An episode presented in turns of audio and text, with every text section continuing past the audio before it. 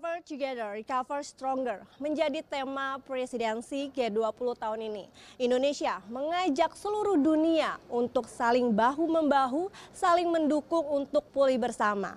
Lalu apa saja perhatian dan juga highlight presidensi G20 kali ini dan bagaimana langkah G20 untuk membangun infrastruktur kesehatan berkelanjutan. Kali ini saya akan membahasnya lebih dalam bersama dengan Menteri Kesehatan Budi Gunadi Sadikin. Selamat uh, siang Pak. Ini bagaimana nih Pak? Kabarnya sehat? Saya sehat dan yang penting semua presiden dan head of delegationnya sehat semua. Ya Pak, terima kasih banyak Pak atas waktunya di sela-sela kesibukan yang luar biasa. Pak ini uh, ada pencapaian ataupun langkah yang cukup konkret yang telah dihasilkan dari pertemuan G20 salah satunya adalah pandemi fund. Sebenarnya seperti apa nih Pak mekanisme dan juga tata kelola dari pandemi fund ini sendiri? Cerita konteksnya sedikit ya. Sana. Jadi kalau teman-teman ingat ya, di tahun 1944 sesudah Perang Dunia Kedua, kepala negara sedunia itu berkumpul di Bretton Woods di United States. Mereka membangun dua fund besar namanya World Bank dan International Monetary Fund yang merupakan pilar utama dari arsitektur keuangan global yang bisa mengatasi masalah krisis ekonomi dan keuangan sesudah Perang Dunia Kedua, tapi juga bisa membantu dunia mengatasi dan melindungi krisis-krisis keuangan sesudahnya. Nah, kita di kesehatan tidak punya hal seperti ini, tidak punya infrastruktur seperti ini di arsitektur kesehatan global. Berbeda dengan yang di arsitektur keuangan global. Sehingga sejarah berulang nih. Di tahun 2022, pemimpin-pemimpin dunia berkumpul lagi di Bali, Indonesia, untuk setuju mendirikan yang namanya Pandemic Fund. Saya percaya bahwa Pandemic Fund ini akan mengulang keberhasilan World Bank dan International Monetary Fund yang dibikin oleh pimpinan-pimpinan dunia tahun 1944 di Bretton Woods ini akan terjadi lagi di Bali. Nantinya pasti Pandemic Fund ini akan menjadi pilar utama dari Global Health Architecture, arsitektur kesehatan global dan mereka bukan hanya akan membantu kita mengatasi krisis pandemi tahun ini, tapi juga akan bisa membantu umat manusia dan dunia mengatasi krisis-krisis kesehatan global nantinya. Pak ini seperti apa mekanisme dan juga tata kelolanya. Kemudian negara-negara mana, kriteria seperti apa yang nantinya akan uh, bisa mendapatkan dana ini, apakah dalam bentuk proposal, kemudian sejauh ini update-nya sudah berapa negara yang uh, memberikan donornya untuk pandemi fund ini sendiri. Jadi fund ini sendiri sudah terbentuk dan dikelola di World Bank. Buat teman-teman, World Bank sudah biasa membentuk fund-fund baru seperti ini. Jadi di kesehatan yang paling besar itu namanya Global Fund ini khusus untuk HIV, tuberkulosis sama malaria. Itu size-nya 15 billion US. Ini gede sekali. Tiap tiga tahun di replenish, diisi. Ini mulainya dulu juga dari Financial Intermediary Fund. Kemudian sudah jalan 5 tahun, 8 tahun jadi Global Fund. Kita ingat ada institusi namanya Gavi yang ngasih kita ratusan juta vaksin. Itu dulunya juga Fifth di World Bank Financial Intermediary Fund. Tapi udah tiga tahun, lima tahun kemudian berubah jadi Gavi.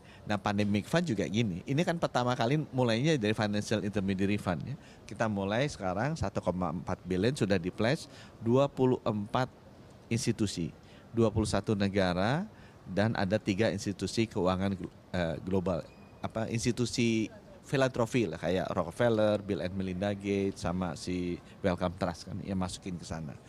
Nah, mekanismenya sudah disetujui dibikin very inclusive. Tadinya biasanya fund-fund itu kan isinya boardnya hanya donors saja. Tapi ini selain donors supaya inklusif, kita masukkan juga recipient countries tapi dalam bentuk asosiasi. Jadi misalnya African Union masuk, gitu ya. Nanti disalurkannya kan kemarin kita lihat yang aktif menyalurkan itu kan Gavi, SEPI, Global Fund itu mereka lebih cepat tuh nyalurin bantuan. Itu juga nanti masuk di sini sebagai anggota board member. Sehingga mereka bisa membantu memutuskan untuk equality dikasihnya ke mana? Jadi nggak hanya negara donor, ya kan negara donor kan banyaknya negara maju. G20 itu kan negara yang besar. Nah walaupun ada juga negara tidak maju. Yang kedua, kita udah udah pilih chairmannya dua itu dari negara berkembang. Yang keuangan Pak Hatibasi dari Indonesia, yang kesehatannya dari Rwanda. Menteri Kesehatannya Rwanda. Jadi seenggaknya itu bisa memberikan gambaran bahwa chairman dari boardnya aja sudah orang dari negara-negara berkembang. Mekanismenya gimana? Mekanismenya fund ini punya dua tugas.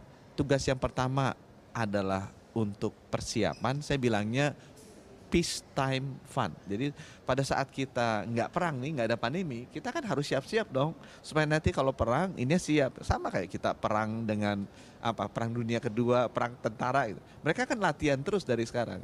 Alat-alatnya dipersiapkan terus dari sekarang. Nah itu sebagian besar dari fund ini dipakai untuk mempersiapkan sistem kesehatan nasional negara-negara miskin agar kalau nanti ada pandemi mereka siap.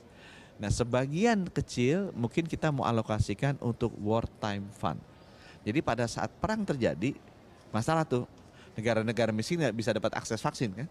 Karena negara maju langsung kasih DP. Dia kasih DP ya perusahaan-perusahaan ngirimin vaksin sama obat-obatannya kan ke mereka dulu. Nah, wartime fund ini kita mau pakai mungkin bisa membantu kalau ada pandemi lagi mengcover kebutuhan down paymentnya negara-negara miskin dan low and middle income country. Gitu. Sejauh ini Pak sudah berapa uh, proposal mungkin yang sudah masuk dan apakah Indonesia juga mengajukan proposal untuk pandemic fund dan apakah juga Indonesia menyumbangkan nih Pak uh, dana untuk pandemic fund? Ya.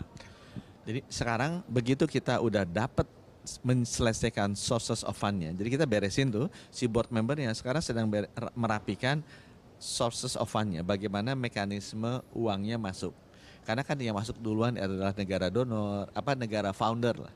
Yang berikutnya adalah negara donor, apa beda negara dengan yang non negara. Kemudian bagaimana mengenai voting right-nya, kelompoknya seperti apa, itu sources of fund. Tugasnya mereka nih Pak Hati Basri sama Menteri Kesehatan Rwanda itu menjawab pertanyaan. Mereka harus bicarakan the uses of fund. Nah uses of fundnya ini, ini beda dengan fund-fund yang keuangan nih karena fund keuangan dikasih aja uangnya selesai kan.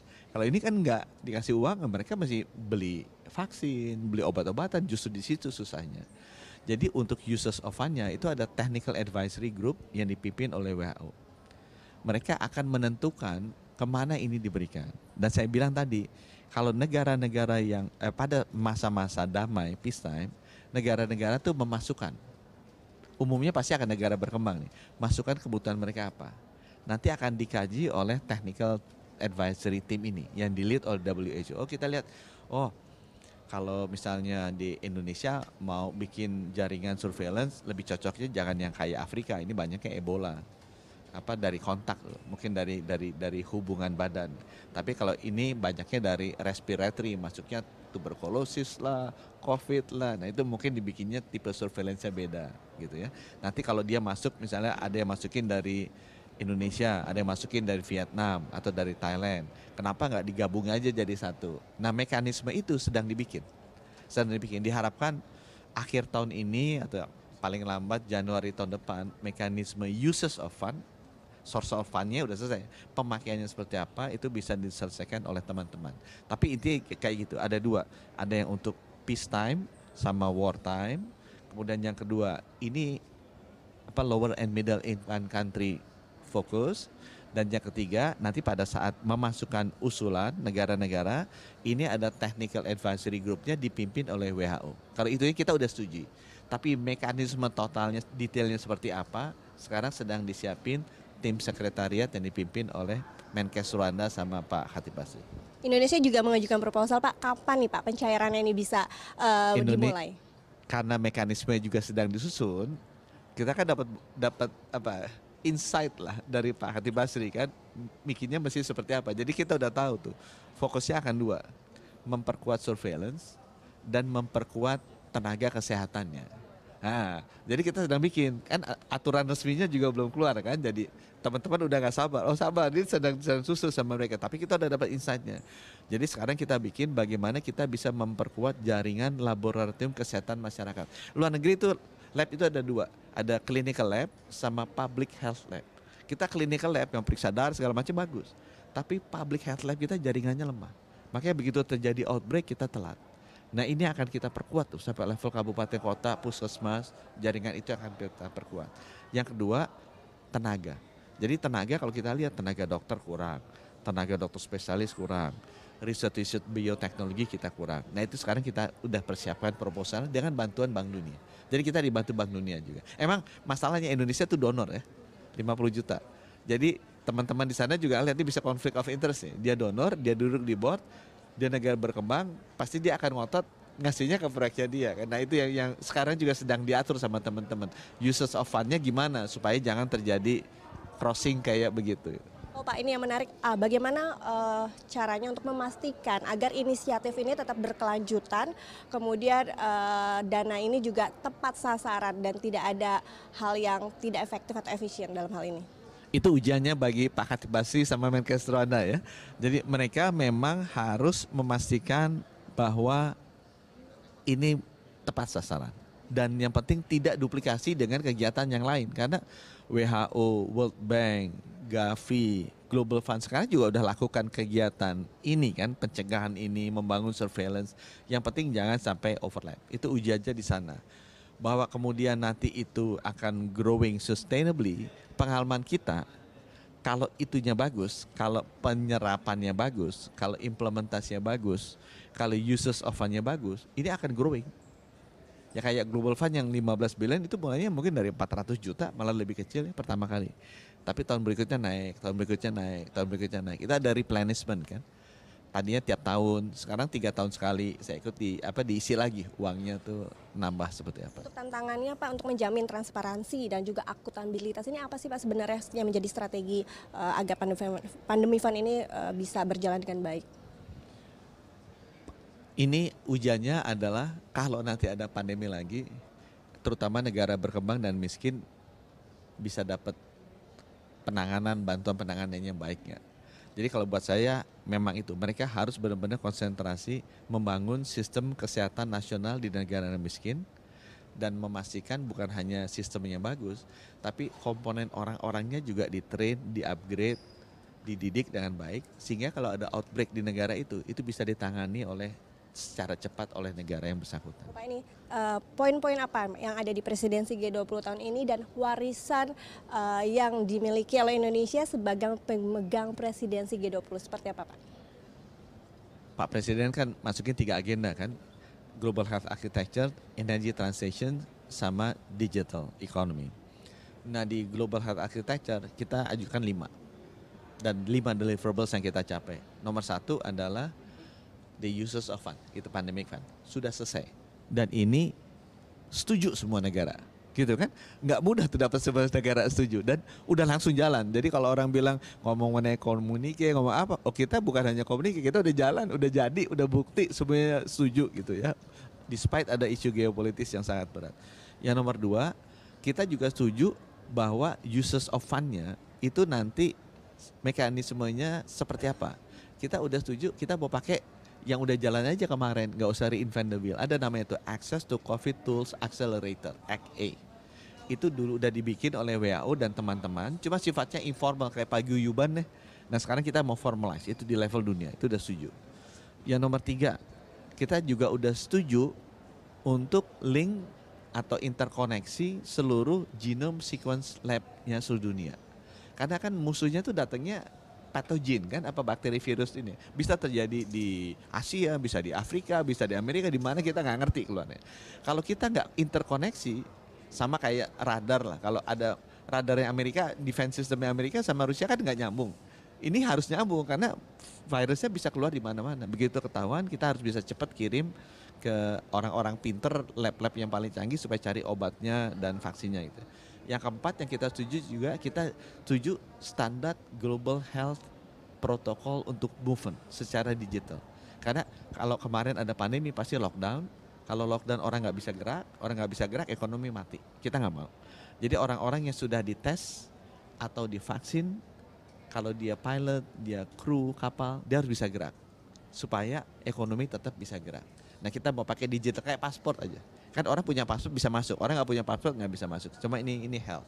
Yang kelima, ya kita setuju terutama negara-negara G20 yang ada di selatan Afrika Selatan, yang di Asia tuh Turki, Saudi Arabia, Indonesia, India, Amerika atau Argentina, Brazil untuk bikin kok bukan koalisi kerjasama research and development dan manufacturing untuk vaksin, obat-obatan sama alat uji kesehatan. Itu udah setuju dan diharapkan itu nanti masuk di ininya para pemimpin kita. Tapi mau masuk, mau enggak, formatnya apa, ya kita udah jalan yang pandemic fund.